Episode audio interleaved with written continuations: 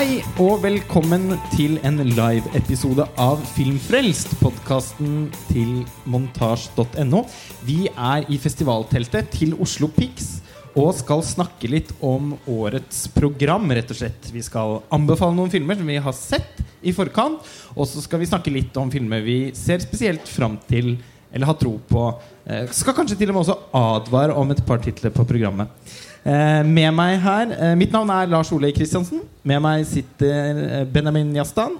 Hallo. Ida Madsen Hestmann. Hallo. Og Tor Joakim Haga. Hallo, ja.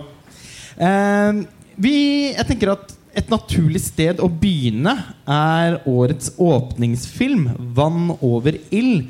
Jørn Utkilens spillefilmdebut. Han har laget veldig mange interessante kortfilmer tidligere. Eh, jeg fikk ikke anledning til å være til stede på premieren, men det vet jeg du var, Tor Joakim. Hva slags film er dette her? Ja, altså Jørn Utkilen han er jo en litt sånn mytologisk figur, har jeg inntrykk av. Altså, jeg, I alle disse kortfilmfestivalene jeg har vært på, så har det vært mye snakk om hans filmer. da. Jeg har det, i likhet med ikke sett øh, noen av disse kortfilmene hans, eh, sånn som Statement 2, og disse har det vært mye buzz rundt.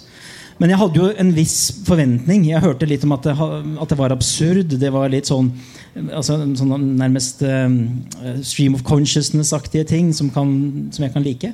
Så jeg hadde litt forventninger, og at han også var en visuell uh, filmskaper.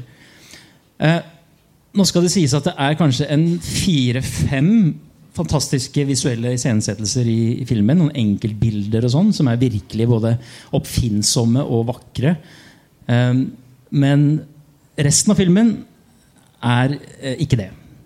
Altså, det er et eller annet med um, altså, Det er nesten som en slags sånn skoleforestilling som han har gjort litt sånn fjasete. Uten å legge noe særlig vekt på visualitet. Sånn at det er nærmest en sånn, sånn slags innfalls liksom billig innfallsmåte, uh, synes jeg, som det hele den filmen er konstruert som. Og det er litt overraskende i forhold til den, den helhetlige, visjonære kvaliteten som jeg jo hadde hørt at han, han uh, innehadde. da. Men altså, hva slags film er det? på en måte? Fortsatt, uh, ja. fortsatt, det er noen western-elementer der? Ja, det jo, altså, den har en rammesetting som jo er en slags western, eh, spilt inn i Kvinesdal. Eh, I en slags sånn merkelig liten ørkengrop som fins der oppe. Um, og den prøver jo å, å, si noe om vår samtid, tror jeg. Et eller annet sted. Om, om konsumer, altså konsumerisme og om uh, misogyni og om en del ting som jo er i tiden. Um, men det er bare Misogyni er i tiden? Okay. Ja, altså det er jo det. Definitivt. Og litt om fremmedfrykt. Altså, det er masse sånne ting som, som, ligger i det. Men det er så vagt, og det er liksom bare omkranset av disse rare, merkelige innfallene. Så den, den mister litt av den potensen da, som den, den, tror jeg prøver på. Det er jo i det hele tatt ganske mye nordisk filmprogram. Det er et nordisk konkurranseprogram. Eh, der finner vi bl.a. Team Hurricane og 'Toppen av ingenting'. To filmer som vi tidligere har snakket om på Filmfrelst. Eh, jeg tenkte å sentre ballen litt over til deg, da. Fordi jeg tror det er ganske mange som stadig vekk ikke har fått med seg i hvert fall hva 'Toppen av ingenting' er for noe. Hvor vi, hvordan vil du ja. presentere den filmen? Ja, vet du hva, det, det, var det jeg måtte ta en liten runde i huet mitt selv også. På ja, hvordan skal jeg fortelle eh, om, om, denne filmen. Eh, uten å også spoile for mye. Fordi um, flere ganger uh, når jeg skal få folk til å se denne filmen, så, så, sier jeg jo egentlig også bare du må bare se den for å forstå den. Uh, men altså um, Kort fortalt så er det jo om en uh, jeg, jeg, må jo bare skyte inn at jeg er veldig glad og begeistret i filmer eh, om eldre kvinner. Eller kvinner i sin beste alder. Eh, og her er det jo hun Leonor eh, Ekstrand som spiller hovedrolleinnehaveren som kommer hjem etter et 25-årig langt opphold i, på spanskekysten. Eh, og med bling og hele pakka. Og, eh, fordi faren hennes eh, har dødd, og hun arver da dette store bygget. Eh, en bygård i Stockholm? By, ja, bygård og by, ja. ja. Stort, altså en stor kloss eh, full av folk som bor der. Eh, så skal hun prøve å egentlig selge dette, eller ja, det, det, er litt fram og tilbake. og eventuelt men, kanskje få noen forsikringspenger. Ja, jo, ja, det er mange det ting som blir vurdert her. Ja, også, men, men, eh, det er jo det at dette er jo ikke så lett som en tilsynelatende tror. Eh, og det, det, det, snur jo veldig Eller det, det, er jo det der med at når hun kommer til Stockholm, så er det bare Det er så mørkt og dystert. Men samtidig også så absurd og så altså komisk. Eller, ja. Og så er det det, Man kan jo diskutere om det er komisk. da Vi var vel de få som satt og gapskratta under visningen i Berlin. Ja, Vi så den i Eh, Berlin, og uh, det var ingen andre som dro på smilebånd engang, tror jeg. Nei. bortsett fra, fra oss. Det var en liten gruppe med nordmenn som lo så vi skrek gjennom nesten hele filmen. Jeg er veldig spent på hvordan den kommer til å bli mottatt her. Eh, den har jo mildt sagt fått blandet mottakelse hos internasjonal presse. Eh, men eh, jeg tenker at en del av den eh, veldig sånn spesifikt svenske humoren, som har ganske sånn mørkt tilsnitt, eh, at den eh, At nordmenn har lettere for å catche en del av det. Ja. Fordi kulturene våre er såpass like. Så sånn sett så tipper jeg at den eh, kan få noen gode visninger her på Pix, hvis folk velger å gå og se den. Da. Den har jo en eh, et, et utgangspunkt som kan høres litt spesielt ut. Ja, Eh, og som du sier, så er det litt sånn farlig å fortelle for mye. Ja. Den, skulle, eller, den ble anklaget for å være veldig motbydelig i, i Berlin òg. Og det, på en måte er den jo, eller den går jo litt inn for det. Veldig sånn stygg øh, Men det, det er styggkul, eller hvordan skal jeg si det? Altså, det, det er jo liksom ekkelt noe. Det er jo altså, som han der ene broren hennes eller hva det er, som driver bare det at han drikker denne ekle Bloody Maryen. Eh, Ja, det, det er bare sånne, ja, sånne detaljer som, er, som jeg syns er veldig morsomme. Og denne skikkelsen Don Benecci, som har eh, verdens ekleste øyebryn. Altså bare sånne ja, detaljer som, som, fall, eh, som gjør filmen til det den er. Da. Og, og litt det derre hva, hva er dette? Men den er jo mørk. Jeg synes den, sånn, den beveger seg inn i sånn thrillerlandskap også. Eh, og hun dama er jo bare beintøff. Hun er dritkul. Eh, hun gjør jo 80% av filmen. Ja, det er, Hun er, gjør en helt utrolig rolleprestasjon. Eh, og som jeg er helt enig altså, Hun er, gjør jo på en måte Hun alene gjør filmen verdt å se. Men det er i, i det hele tatt et veldig sånn frodig, frodig fiksjonsunivers eh, som jeg håper folk eh, gir en sjanse. Eh, Og en interessant eh, sexscene. Eh, en meget uforglemmelig sexscene inni der også. Vi må også nevne Team Hurricane. Det er en film som Montage har vært liksom ambassadør for gjennom det siste året. Vi så den eh, første gang da den hadde verdenspremiere i, i Venezia. Jeg valgte den ut til Kritikeruken i Tromsø. Eh, både, altså begge dere to, Ida og Tor Joakim, så den vel der. Eh, jeg føler at jeg har snakket om denne filmen så mange ganger allerede. Eh, hva er det du, du syns er liksom det aller beste med Team Hurricane, eh, Ida? Jeg vet at du er veldig fan av filmen, akkurat Ja. som meg. Ja, nei, det er jo at denne her også er jo en film som eh, egentlig eh, bare sier at fellesskapet fungerer. Eh, den er en hyllest til ungdomsklubben. Eh, og, altså, det, hvordan skal jeg si det? Den er jo en blanding av nesten dokumentar og musikkvideo. Eh, Altså, det er en dansk, litt sånn punk chick flick. Ja. Eh, Et veldig spesielt eh, prosjekt. Eh, debutregissør Annika Berg eh, hadde som en målsetning å lage en film med så å si bare kvinner. Både foran og bak kamera. Og den litt sånn aktivistiske, feministiske energien som ligger i selve prosjektet. Den er jo også overført til filmen. Ja. Eh, her møter vi jo en gruppe med jenter som alle på hver sin måte er litt sånn outsidere. Eh, men som alle har så finner de styrke i denne klubben som de eh, er i sammen. eh, og Nei, jeg vet ikke. Jeg bare tenker Den skildrer så mye sårbarhet og ærlighet. Og eh, samtidig som den er bare interessant å, å se på eller bare ta inn. Eh, fordi eh, altså, det, estetikken den, den rommer, eh, det der med kontrasten er skrudd sånn opp. Og de sterke fargene. Og så tenkte jeg mye på det der at de, de jentene virker så voksne og reflekterte.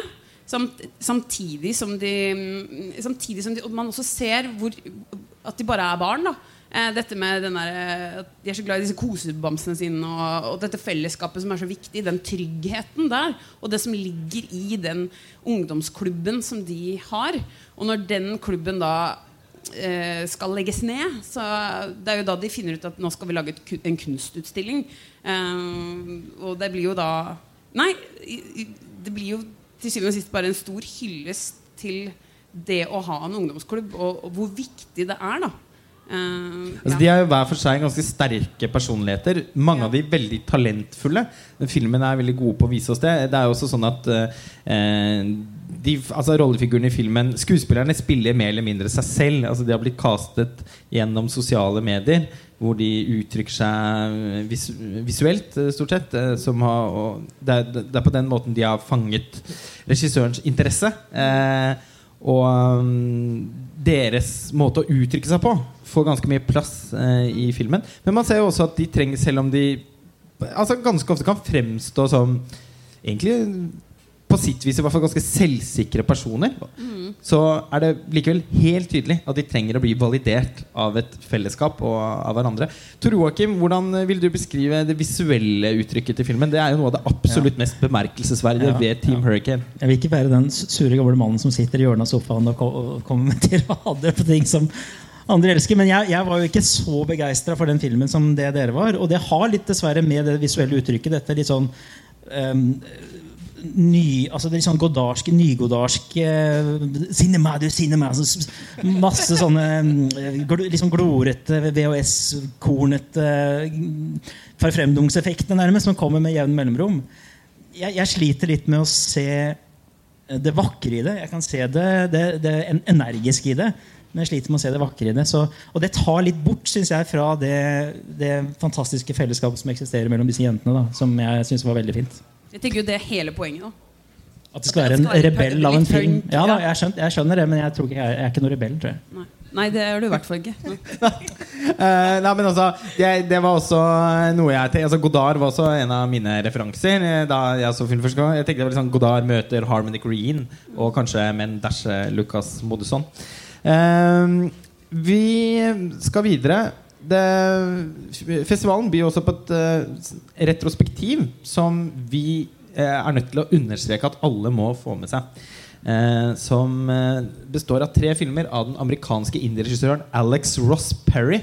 Som ennå har til gode å få film på kino i Norge, men som virkelig er blant de mest sånn altså mest interessante navnene i amerikansk film fra de siste årene. Benjamin, hvordan skal man presentere Alex Ross Perry? Hvem er han? Nei, altså Han springer vel kanskje egentlig ut av en sånn mumblecore indie-bevegelse i USA opprinnelig. Um, så har han egentlig blitt litt større enn det nå også. Altså Jeg ser egentlig på Perry som en slags arvtaker til Woody Allen Uh, på et vis. uh, nå som jeg mener at Woody Allen ikke har lagd uh, mer enn to-tre gode filmer etter 2000. Det er noen som er uenig, men han uh, har en ganske altså, variert filmografi uh, så langt. Uh, de tre filmene som vises eh, her på Oslo Pix, altså 'Queen of Earth', 'Listen Up Philip' og 'Golden Exis', altså tre filmer med veldig forskjellig uttrykk, både visuelt og mot motivmessig. Vi kan jo begynne med den første av de. Det er vel Listen up, Philip. Lisa Philip er den første. Uh, en film som jeg er veldig svak for. Um, den er kanskje hans mest allenske film også så langt. Veldig litterær, skrevet, uh, leken i uttrykket. Uh, utforsker kjønnsrollemønstre og kan vel på sett og vis sies å være en slags utforskning av kulturmannen. i det hele tatt. Uh, åpenbare litterære forelegg i Philip Roth, altså den amerikanske forfatteren som nylig gikk bort. Uh, men også visuelle referanser og nikk til f.eks. en film som er reprise. Og den har jo også noe nybølgeaktig over seg. Um, jeg syns kanskje i ettertid, uh, i og med Golden Exit, at uh, Listen of Philip ja, den er noe mer sjablongaktig. Kanskje? Jeg vet at du setter den høyest, Lars Ole. Ja, det er min eh, favoritt Ja. eh, av han. Nå har jeg ennå til gode å se, det vet jeg gjelder deg òg, denne The Color Wheel. Ja, den som jeg første, hører veldig mye bra om. Ja, ja. Men uh, jeg har likt alle de tre siste filmene hans. Jeg er kanskje litt mer ambivalent til Queen of Earth enn de andre. Det er en sånn slags uh, Ja. persona Ja, den er eh, veldig, ja, det er veldig sånn i det landskapet. Altså, to, to kvinner isolert i et kammerspill på en øy, og identiteten er utskiftelig, og strukturen er utflytende. Eh, den har også en sånn intensitet som minner om Polanski eh, i noen grad. Og den er veldig godt skrevet. Uh, den er kanskje litt mer uforløst. Jeg liker også den veldig godt. men jeg føler kanskje ikke at han har funnet helt stemmen ennå. Den er litt preget av å være en sånn debut-epigonaktig film. Selv om den har store kvaliteter, selvfølgelig. Eh, Jeg føler at den, eh, altså den demonstrerer de visuelle styrkene til Alex Ross Perry. Han jobber fast med en fotograf som heter Sean Price Williams, som er helt eventyrlig god. Eh, mange av lytterne våre har sikkert sett Good Time.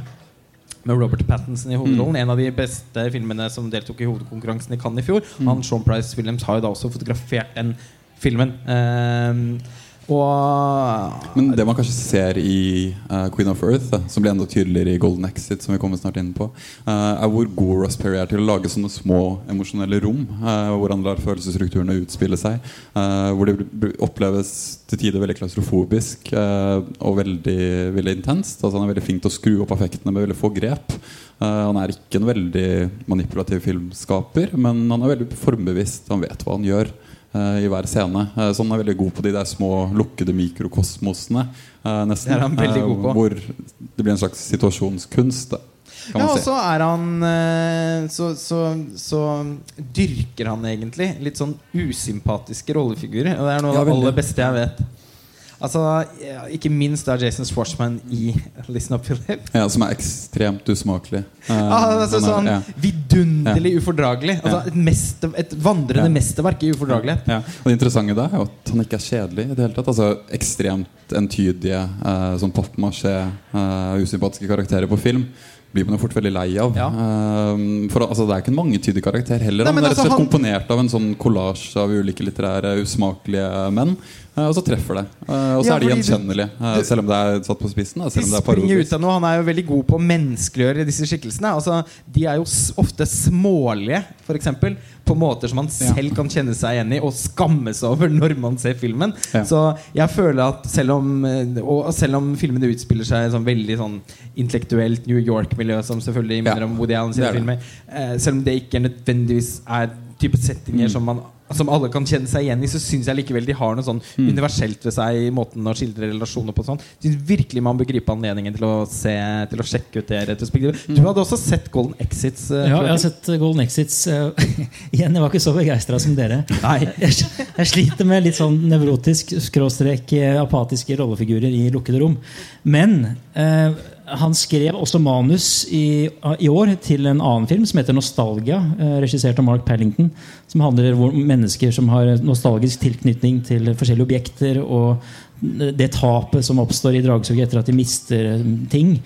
Eh, ekstremt vakkert. Et ensemble piece. Altså John Ham, Ellen Burstyn eh, eh, Hvem var den siste store? Ja, eh, Bruce Dern. Så det er, det er, der ser jeg Perry sin ensemble-stil. men i et litt bredere, eh, mer malerisk format enn det jeg kanskje føler er tilfellet i Golden Exits. Da. Så bare sånn sideanbefaling eh, om han. Ja, altså Jeg er jo veldig veldig, veldig glad i Golden Exits. Jeg så dem på filmfestivalen i Bergen i fjor. Jeg syns kanskje det er egentlig hans beste film eh, så langt. Og der minner han veldig om eh, Som vi har vært inne på flere ganger når vi har snakket om den eh, også. Minner veldig om Erik Romer. Eh, igjen den situasjonskunsten. At han klarer å lage en slags lukkede rom eh, eller situasjoner eh, ut fra en viss moralsk eh, eller sånn setter en scene som gjerne har noen moralske komponenter, gjerne noen følelsesmessige komponenter, og så lar han dialogene utspille seg derfra på en veldig organisk måte. Uh, igjen utrolig godt løst. Uh, og rommene, altså rommenes betydning, som Tor Joakim ikke var like, like Altså, jeg elsker jo elsker romting, men det vet du jo. Uh, lukkede spaceships og alt dette her. Men, det er, Verdensrommet, ikke minst. Liker du. ja, Ja. men, dette ja. men det, når det blir en Woody Allensk, med en gang det blir Woody Allensk, så, så går alarmen hos meg. Da Ja. Men Golden Exits er kanskje altså, Den er mindre allensk enn Listen of Philip. Det er den helt klart. Uh, og mer, altså minner kanskje mer om en slags New Hollywood-tilnærming også. Og du skal begynne å tenke på det altså, Den er jo 70-talls amerikanske dramakomedien. Uh, mørkere filmene til Woody Allen. Da. Eh, og Altman og Redford og lignende. Så det er noen av de, de pekerne også. Eh, vi eh, Fra å da flytte oss et helt annet sted igjen. Det er en film som eh, Som vi også er nødt til å nevne. Jeg vet at det bare er jeg og Tor Joakim som har sett den. Men eh, det er også en belgisk-fransk film som heter 'Let the Corpses Tan'. av en regissørduo som heter Helen Catet og Bruno Forsani, som har spesialisert seg på å lage pastisjer over italiensk kultfilm. Eh, de to første filmene de har gjort, 'Amer' og The, eh, eh, The Color of My Body's Tears, eh, er rene giallo-pastisjer. den si- sistnevnte nesten helt ufattelig ambisiøs. Eh, nesten mer eh, Altså Filmen er nesten mer som å gå på en kunstutstilling enn å, enn å se en kinofilm. Med 'Let the Corpses Tan' så føler jeg at de eh, fortsetter på, på den ene siden så fortsetter de å øke ambisjonene sine for, eh, for holdt på å si, kvaliteten på pastisjen. Eh, samtidig som de har laget noe som er litt mer sånn umiddelbart og underholdende å se. Ja, i hvert fall etter ca. 15, altså 15 minutter. Da han begynner å virkelig å strømlinje seg inn i disse sjangerlandskapene. Da, det er da det, det, det tar av. Og hvilken sjanger befinner vi oss i denne gangen? Nei, altså det er, jeg, jeg ser fremdeles referanser til italiensk spagettivestern. Jeg ser Corbucci blant annet i denne spisescenen hvor de gnasker på kjøtt. og sånn. Altså det er også en lignende scene i Grande Silencio av Corbucci. Og jeg føler jeg ser litt Melville også, i hvordan, hvordan eh, hele denne her gruppen av eh, eh, forbrytere handler sammen i, det, i dette her ruinene som de befinner seg i. De skal, har jo da gjort et kupp. Um, så jeg ser jo de referansene, men det er for meg er det bare Det er jo en musikalsk film som jeg sjelden har sett. Altså Klippingen her, lydklippene ikke minst, og generelt bruk av lyder. Lær og lakk og, si, og, og eh, altså, sirisser og Det er så mye her, altså. Altså lyden, har, lyden av lær har vel aldri blitt mer fetisjert på film, tror jeg. Det er helt vanvittig hvor mye knirking det Knirk er. og knark. ja, eh, og de er jo da så ekstremt sånn fetisjerende filmskapere som mest av alt bare fetisjerer film, filmspråket i seg selv. Da. Eh, og det er som om de har hatt, hatt på en måte et sånn sammenhengende orgasme gjennom hele filmen. Altså Den er et, eh, altså et, et poetisk filmverk. Nesten, eh, hun, altså nesten bare audiovisuell. Det er nesten ikke dialog i filmen. Handlingen er bare altså Den er ganske Altså, det, er bare, uvesentlig. det er bare uvesentlig en ramme, og så Et tar de, setup. tar de så ofte også pauser i handlingen for å lage disse små musikkvideoaktige mm, tingene som bare er helt sånn mind-blowing i bru, bruken av gult og rødt og øh, noe, øh, noe som er øh, Hva heter det? Eh, faen, jeg har glemt hva det heter. Eh, litt sånn geléaktig, eller altså gull og Gull, ja, mye gull. grus og blod. Og er, ja. Altså, hele og Hvis man har den minste interesse av italiensk kultfilm fra, eh, fra 60-, 70-, 80-tallet, så eh, er dette nummer én på listen av filmer å se på festivalen. Eh, virkelig en god mulighet til å få oppleve den her på stort lerret i Oslo. Ja, ikke minst når man kan se mens man venter på eh, remaken av Suspiria, eh, som Luca Guadagnino har ferdigstilt. Den traileren kom for et par dager siden. Og det, er jo, ja, det har egentlig ingenting med Oslo Pix å gjøre, men det er ikke, noe, det er ikke en dårlig anledning til Nei, å nevne tror- at den ser helt fantastisk tror, ut. Ja, jeg tror det blir en god sesong for, eh, for gjenoppdagelser av italienske kultfilmer. Ida, eh, hvilke filmer er det du Når du har studert programmet her, hvilke er det du ser mest fram til? Oi, det Og hvorfor? det, ja. Jo, jeg vil i hvert fall se Altså, En ting er jo den der Silvana Imam-dokumentaren. Um, som også Den blir jo også vist på blå. Eh, med sånn spesialvisning. Um, eh, ja, nei, Jeg vet ikke om jeg skal si så mye om uh, Silvana Imam. Jeg tenker De fleste kjenner jo til henne. Hun er jo en uh, kjent rapper fra Sverige. Um, Eh, og så Jo, så merka jeg meg den derre A Gentle Creature. Uh, Sergej Loznitsa? ja. ja, du er bedre enn meg til å uttale det. Takk. Eh, Hva er det du har merket deg med den, da? Eh, nei, det er jo det at eh, Eller først, så, først og fremst så liker jeg egentlig å basere meg på trailere litt og bilder og sånn ja, når jeg skal velge filmer som, som jeg har litt lyst til å se. Eh, og jeg syns traileren virka veldig interessant fordi den virka litt absurd. Og så leste jeg også at den har blitt sammenlignet med eh, Den er litt lik eh, filmene til Andrej Svagintsev. Eh, og jeg liker stilen hans veldig godt. Det der med den politiske undertonen som etter hvert har blitt mer og mer tydelig. Eh, og det at eh, mannen til denne kvinnen handl denne filmen handler om, er eh, fengslet i Sibir. eh, og ja, hele pl- plottet virker jo interessant, eh, men så virker det som det er så mye mer rundt det. som i hvert fall fra å se på traileren virka det som det er mye som skjer, som eh, er litt sånn Det kan jo være verdt å Ja. nevne at uh, den er basert på en kortroman av Dostojevskij, 'Krotka'. Ja, det er også et poeng. Da. Og den er tidligere også filmatisert uh, av ingen ringere enn Robert Bresson og filmen uh, 'Ampant douce'. Så Uh, jeg så den i Cannes. Jeg var Ja. dessverre ikke så begeistret for den, men jeg skjønner veldig godt hvorfor den blir programmert her. Altså, det er en type festivalfilm som med sin lengde og sin litt sånn kompromi kompromissløse væremåte ikke under noen som helst tenkelige omstendigheter kunne fått et liv på kino. Så, sånn sett så eh, er jeg veldig pro at man velger å vise sånne filmer, selv om det nok er relativt stor sannsynlighet for at mange av de som kjøper billett til Los Nizza-filmen, kanskje vil føle at de At de, at, at de ikke, ikke har hatt uh, en sånn eh, Som kanskje har hatt en litt kjip opplevelse. Men sånn skal det også være noen ganger. Når man Ja. Noen andre ting man gleder seg til, eller som man har lyst til å løfte fram? Ja, jeg kan jo i hvert fall si Ja, det er to. Um, først og fremst uh, Hereditary, da, selvfølgelig, som har vært en snakkis uh, horror nå lenge. Uh, det kan, den, sånn jeg skjønner det, så ser det ut til at det kan være liksom årets It Follows eller årets Under the Shadow, da, som var den store for meg for et par år siden. Uh, og så er den over to timer. Det kan jo bli utfordrende i seg selv. for en, for en sjangerfilm av den typen. eh, også trekke frem The Endless, som da er den nye filmen til um, uh, Hva heter det for noe? Justin eh, Benson. Aaron og Benson Warhead. Som hadde, For noen år siden så hadde de filmen Spring 2014, som er litt ufullendt. Men han har noen fantastiske potensielle eh, kvaliteter i sin visualisering. Jeg husker spesielt en sånn scene ved en elv og sånne ting. Så også Spring er en sånn en sp springbrett kanskje til en, til en, en fullendt film fra dem. da Og det har jeg kanskje håpet om at The Endless eh, skal være. Så eh, de to, og kanskje Love Simon. Eh, Jeg har hørt mye på soundtracket, og Rob Simonsen er veldig forelska i det soundtracket. Så det er også en, en spennende film. Benjamin?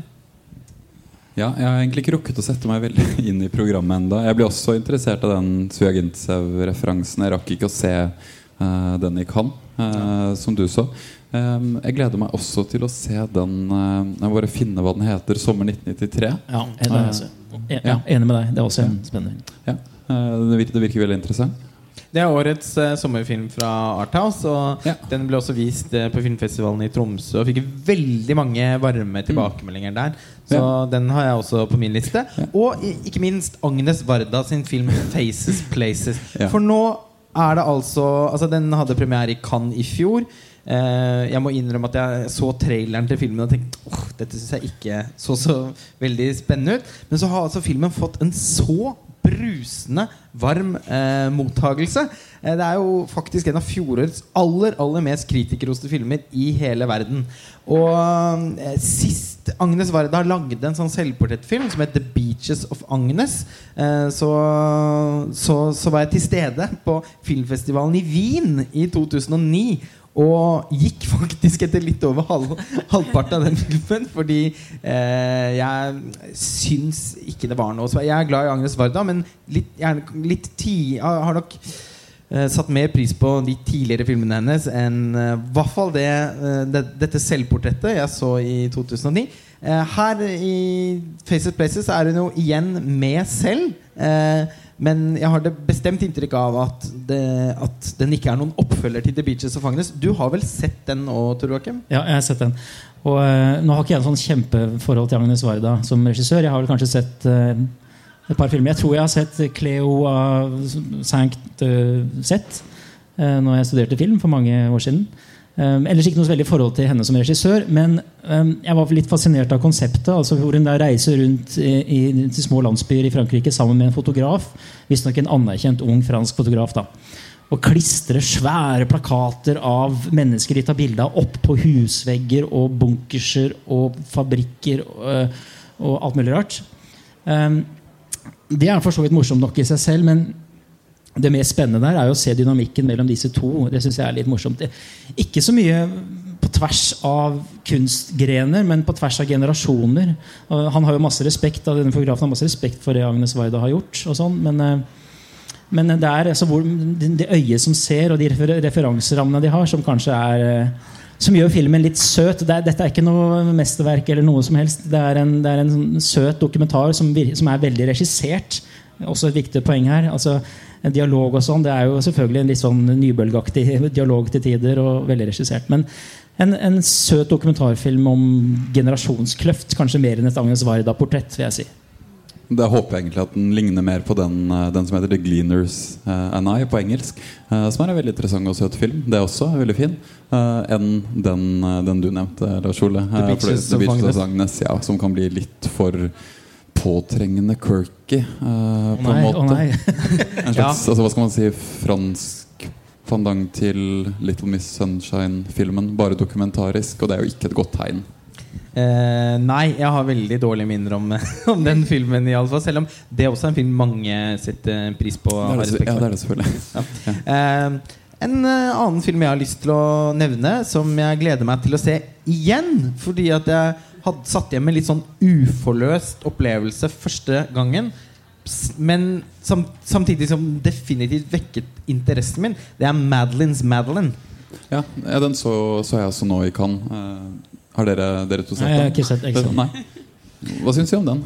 Nei, altså den, uh, Det er en uh, spillefilmdebut av en regissør som har hatt en ambisjon som på sett og vis kan sies å slekte på den Annika Berg har hatt for Team Hurricane. Altså hun, Også her er det eh, Nei, det er ikke utelukkende kvinner foran kamera, men nesten alle de viktigste fagfunksjonene har, eh, er, kvinner, er kvinner. da Det er jo så dessverre så sjeldent å se.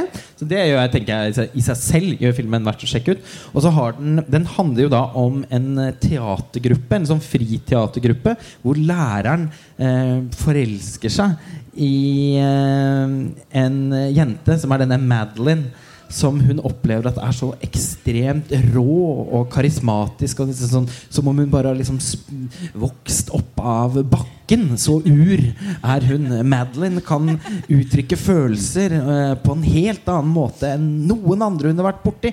Uh, og så begynner man etter hvert å få fornemmelsen at hun Madeline nok ikke egentlig har det så veldig bra med seg selv. At hun, uh, at hun har sliter med noe psykisk.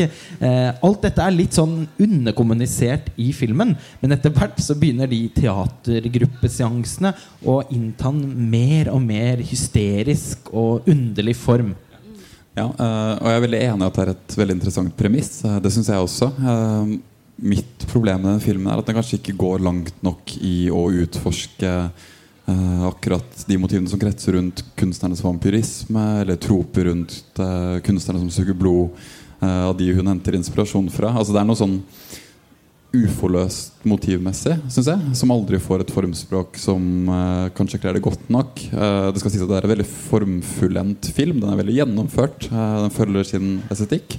Og sånn sett er, er, den ganske radikal egentlig i måten den vekselvis slipper inn karakterene Eller kamera på karakterene og holder en distanse. Sånn av kvaliteter, men for meg så ble det konseptuelt en interessant film. På idéplan en interessant film. Eh, men det finner kanskje ikke helt sitt uttrykk fordi den kanskje ikke rett og slett er outrert nok.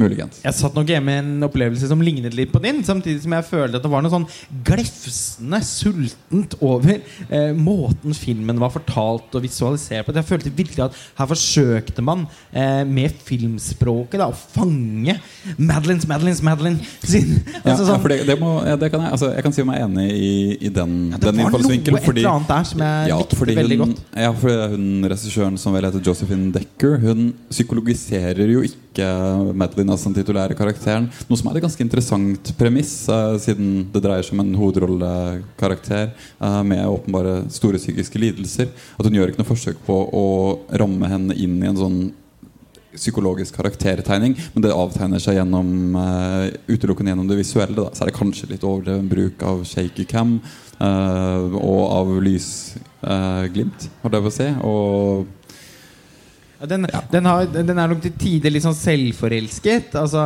den, ja. Eh, den, uh, den bru, altså, Det er noen, noen virkemidler her som uh, kanskje blir litt uh, som, som, som, til slutt kan skape mer en følelse av monotoni enn den dynamikken ja, sånn som man forsøker å skape. Ja, litt, litt filmskole Litt sånn, ja. Men så er det også en tidlig film. det er det, det vel andre eller tredje filmen hennes. Er det det? Jeg trodde faktisk jeg trodde Andre, det var en spillefilmdebut. Ja. Ja, kanskje det er det. Uh, Nå ble jeg Hun har faktisk- i alle fall laget kortfilmer tidligere. Jeg ble Ja. litt usikker. Jeg, altså, også Nei, men det kan vi sjekke ut i etterkant. eh, og opplyse om en, i presentasjonen av, av, podkasten, så vi ikke kommer med feilinformasjon her. Oi, oi. Kan jeg forresten si en film til jeg har lyst til å se? Ja. takk. Eh, jeg er veldig fan av eh, Laura Dern, og det bare slo meg at liksom, det, det meste jeg har sett med henne i, eh, har ikke skuffet meg. Så derfor eh, har jeg veldig trua på The Tale. Ja, Også, også fordi den handler om sex og em, litt sånn derre eh, filosofering rundt minne og hukommelse. Og det handler jo om en slags eh, seksuell opplevelse hun har hatt som 13-åring. Eh, den, denne karakteren hun spiller, som heter Jennifer. Eh, og så har jo i tillegg The Guardian eh, Her har man i festivalprogrammet sitert The Guardian. Og da som, som hyller filmen eh, og skriver It's such an inno innovative, honest and important film. Ja, men For eksempel. Ja. Men så er også hun Jennifer Fox skal være her også, regissøren. Skjønte jeg? Den eh, er jo eh, Den hadde jo premiere i Sundance og fikk enormt god mottakelse av kritikerne der. Jeg i likhet med deg har en svakhet for Laura Dern. Altså, Jeg blir grepet nesten bare jeg ser henne. Så jo, men altså, hun har Jeg ser det for meg. ja, Altså i alt fra Jurassic Park til liksom det særeste av det sære. ikke sant? Ja. Alltid. Og, til, og Blue Velvet og Wild Ja, ja, ja. Altså. Og Inland Empire, ikke minst. Hennes hovedverk Ja, som skuespiller. Eh, nei, den er definitivt også på min liste. Både pga. kritikermottakelsen, men også bare pga. Laura Dern i seg selv. Og eh, den tenker jeg liksom Den og den Hereditary Det er de to sånne Sundance-filmene som jeg virkelig Som, jeg ikke har fått, som, som man ikke har hatt anledning til å se noe annet sted i Norge før nå. Jeg synes Det er veldig kult at Oslo Pix har klart å få med begge de to. Da tror jeg vi runder av her nå. Tusen takk til deg, Benjamin. Takk. Ida Takk. og Tor Joakim. Takk skal du ha. Eh, god festival videre eh, til både dere og de som har møtt opp her for å høre på. Så eh, kommer vi tilbake med en ny episode av Filmfrelst før dere aner det. Ha det bra. Ha det bra.